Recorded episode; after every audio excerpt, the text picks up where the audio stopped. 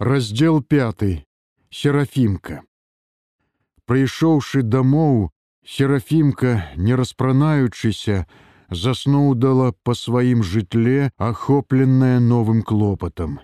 Трэба было агледзець што ў яе засталося пасля нядаўняга разору чым яна будзе карміць параненага камандзіра.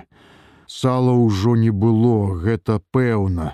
Хлеба таксама але ў сенцах яна знайшла ў корабе под лавай спут ячменю нядаўна намалочанага са сваіх сотак.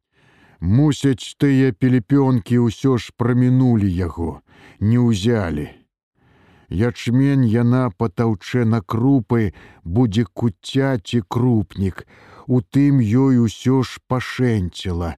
Горш не было ні зярняці збожжа на хлеб Затое ў вялікім паліваным старасветскім гарлачы цёрлі яна ўберагла ад мышэй злодзеяў кілаграмаў колькі леташняга бобу, таксама са свайго агароду. Ну і бульбачка. Бульбачка яе была яшчэ не выбранная, усё збіралася выбраць, адкладывала і во, да адкладывалася. Найперш трэба было накапаць бульбы, пакуль зусім не сцямнелася. Ужо амаль у цемры яна калупалася з рыдлёўкай у сваіх баразёнках, сабрала няпоўны кошык, як пачула чысць недалёкі голас. Голас быў ціхі мужчынскі і чуўся, мабыць, на падворку, і яна адразу нагадала тых пелепёнкаў, але то былі не пелепёнкі, Серафімка адразу зразумела, што памылілася, як убачыла ў прыцемках чалавека, які ціха чакаў яе. Яна нясмела падышла з кошыкам рыдлёўкай у руках, і чалавек стрыманна павітаўся. Што серафімка, жывая, жывая, адказала яна, марудна, нібы навобмацак, пазнаючы чалавека. Здаецца, усё ж гэта быў колішні местачковы настаўнік Дзімідович. Але як ён апынуўся тут за 20 кіламетраў ад мястэчка. І хата гляджу уцалела, Ды дзе там уцалела, ціха паскардзілася серафімка, толькі што сцены, А так ні страхі, ні вокнаў і печ патрэскалася, во комін, у других і таго не асталася. Не асталася ага. Усе любашы спалілі. І любашы і жаўрыды і вострава. Страх адзін. Ну дык мо зойдзем у хату? Ну што ж вы ж тут былі неяк яшчэ з мікалаем десять гадоў таму пацвердзіў дзімідович Яна адчыніла дзверы ў сенцы, прайшла адтуль у цёмную хату. Тут, як і на вуліцы было выстуджана, холодна. З пазатыканых падушкамі і рыззём вокнаў ціха дзьму ветер. Цёмна, пасвяціць няма чым, сказала яна, во тут, ну слон, сядайце, асвяціце не трэба, не той час пагадзіўся госць. Я тут во сяду, Ага, вот тут. Дзімідовіч цяжка з уздыхам опусціўся на ўслон перад печчу і змоўк. Серафімка таксама маўчала, чакаючы пачуць ад госця пра яго патрэбу, але той усё пытаўся ў яе: Хто-небудзь яшчэ ўцалеў у дзярэўні. Усё папалена, з гэтага канца дык адна хата і асталася. Значыць пашэнціла табе пашэнціла. Зноў помаўчалі яна пачала трохі непакоіцца бо мела шмат справы трэба было неяк зварыць бобу ці таўчы крупы, а гэты чалавек займаў час, не кажучы, што яму трэба. І тады яна пачула, што дыхае ён з натугай, неяк часта і дробненька, як дыхаюць дужа прастуджаныя людзі. Серафіма, мне пераначаваць трэба. Во як амаль шчыра здзівілася яна, і гэта простыў я. Ай-яй, паспачувала яна, а дома у тым-то і справа, што дамоў нельга мне. Цяпер як па-парцейнаму, сусед жа ў мяне прыйшоў асоўскі, той рэпрэсіраваны. Ай-яй, зусім ужо здзівілася серафіма ад парогу рэпрэсіраванага чатыры гады таму асоўскага яна збольшага ведала, бачыла на вуліцы, як жыла ў брата ў мястэчку. Ён заўжды задуменна хадзіў з портфелем, такі немалады ўжо мужчына у акулярах без дужак, з тонкай сіваватай бародкай і ніколі ні з кім не вітаўся бы не заўважаў нікога. Казалі тады, што гэты Дзімідович недзе выступіў супраць асоўскага. І калі той цяпер вярнуўся, дык сапраўды, Дык гэта самае, ужо ты мяне не прагоніш. Ай, што вы кажаце, Як жа я вас праганю. Вось я так і падумаў, Серафіма не прагоніць. Усё ж мы з яе братам вуньяк сябравалі.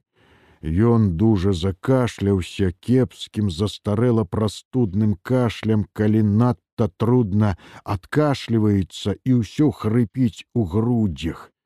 Серафімка нахмурылася ў душы, канешне, трэба памагчы хвораму чалавеку, але было і боязна, а раптам у ранку зноў прыпруцца пелепёнкі.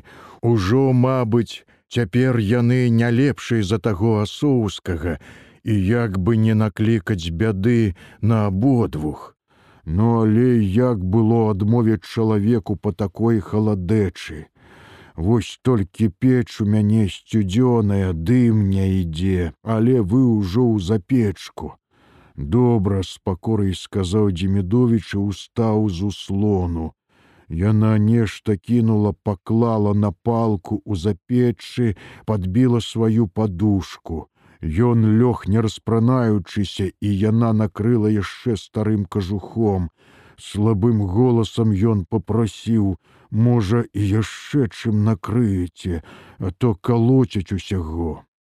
Яна набрала нейкіх трантаў, шастка і добра ухутала і галаву і ногі Дзімідовіча, які чутна было, сапраўды калаціўся нават пад вопраткай зёлак вам трэба зварыць, Ну вы ляжыце, а я, можа, у грубцы распалю. Усё кашляючы, ён застаўся ў запечку, а яна прынесла дроў і ўзялася распальваць у грубцы. Спакваля неяк неахвотна тыя ўсё ж загарэліся. Дым трохі ішоў праз дзверцы, а трохі ў комін.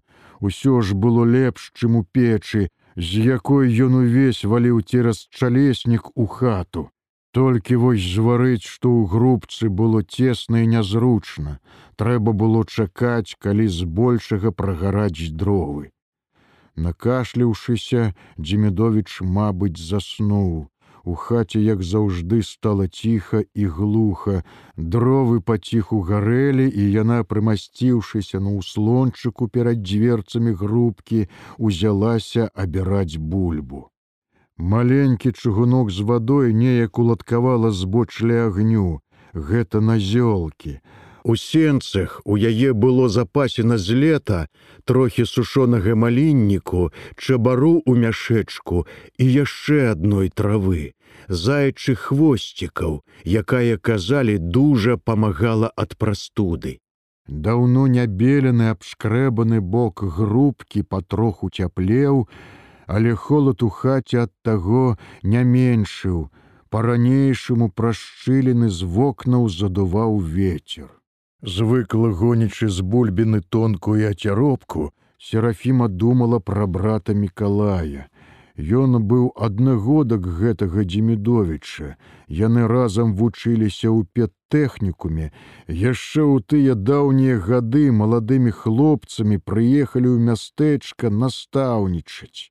Дзімідович выкладаць гісторыю і грамадазнаўства, а яе Миколай беларускую мову і літаратуру. Яны добра сябравалі і нават нейкі час кватаравалі разам у доўгім, як стадола, будынку крывога рыўкінда за сінагогай, аж пакуль мікола не ажаніўся з настаўніцай пачатковых класаў. Тады Дзімідовіч і перайшоў на кватэру да гэтага асоўскага. Як у брата нарадзілася дачушка Аленка, серафімка перабралася з вёскі ў мястэчка, нянчыць малую і спакваля зрабілася амаль паўналаднай гаспадыняю у невялічкай братавай сямейцы, даглядала малую, хадзіла на кірмаш у лаўкі, прыбірала, гатавала ежу настаўнікам, якім заўжды было некалі. Увесь дзень рабілі ў школе, а ўвечар вечары сядзелі над шыткамі, рыхтаваліся да урокаў. Апроч таго Миколай неўзабаве уцягнуўся ў грамадскія справы, ставіў у РДК спектаклі і нават пару разоў вадзіў туды і яе, як іграў сам з жонкай ядзвігай Іванаўнай. Помніць серафімка пастаноўка была дужа смешная, як да маладой дзяўчыны падбіваўся пажылы шляхцюк, а яна не хацела выходзіць за яго, бо кахалася са сваім маладым хлопцам. Дужа смяяліся тады ўсе, а Мікалай і іншыя артысты доўга радасна кланяліся са сцэны І серафімка поўнілася гонарам, так ёй хацелася сказаць усім, што гэта ж яе родны брат, такі здатны артыст. Здаецца, Дзімідович тады таксама удзельнічаў у п'есе, а пасля яны ўсім гуртом завіталі да іх на кватэру, выпівалі. Серафімка частавала іх клёцкамі, было тое якраз на месаед пасярод зімы. Так сябравалі, працавалі разам, а калі што здарылася паміж імі, серафімка не ведала дагэтуль. Памятае толькі, як аднойчы позна, прыйшоўшы з нейкага сходу, Миколай здаўся ёй надта расстроеным, просто раз'юшаным нават. Ядзвіга Івановна ўсё ўгаворвала яго суцяшала, а ён круціў галавой чагосьці не мог даўмецца. Назаўтра ранічкай, застаўшыся адна з нявесткай, Серафіма запыталася пра брата і тая скупа адказала: Абвінавацелі ў нацыяналізме. У чым незразумела серафімка, У тым, чаго горш не бывае. Цьмяна растлумачыла нявестка. Серафімка больш не пыталася. Мікалай патроху стаў спакайнець, па-ранейшаму вучыў у школе, а то ездзіў у розныя кампаніі па раёне, якраз ішла калектывізацыя, і ён, як партыйны, больш чым у школе быў у раз'ездах па самых далёкіх кутках раёну. Спектаклі болей не ставілі, дома не збіраліся, У РДК кожны вечар ішлі то сходы, то злёты, то канферэнцыі, але серафімка на іх не хадзіла і пра што там гаварылі, не ведала. Яна толькі пазірала з тугой, як Миколай усё болей змрачнеў і марнеў, рабіўся маўклівы, дома ніколі не жартаваў нават жонкай і неяк бы адчураўся дзіця, што ўжо зусім было незразумела серафімцы. Малой аленцы было гадку шэсць, Гэта была жвавая смяшлівая дзяўчынка. Серафімка дужа любіла яе, нават болей за брата з нявесткай. І вось аднойчы, як яна мыла ў начоўках малую, тая раптам і кажа: « А я ведаю, чаму татку учора плакаў плакаў жахнулася серафімка такога яна і не падазравала нават. Плакаў таму што ён скрывіў лінію бадзёра адказала малая седзячы у мыльнай вадзе. Якую лінію? Ну тую ну тую мусіць тую што ў дядзі петруся ў портфелі надумала пляменніца і серафіма спярша паспакайнела а а пасля задумалася. Мабыць, усё, што была не тая лінія лінейка, што насіў у портфеле настаўнік малявання Пётр Пятрович, то была нейкая іншая лінія, калі пра яе плакаў дарослы мужчына, настаўнік, яе брат. Яна ўсё хацела запытацца пра тое ў Мікалая, ды не наважылася. Брат па-ранейшаму быў нервовы, маўклівы.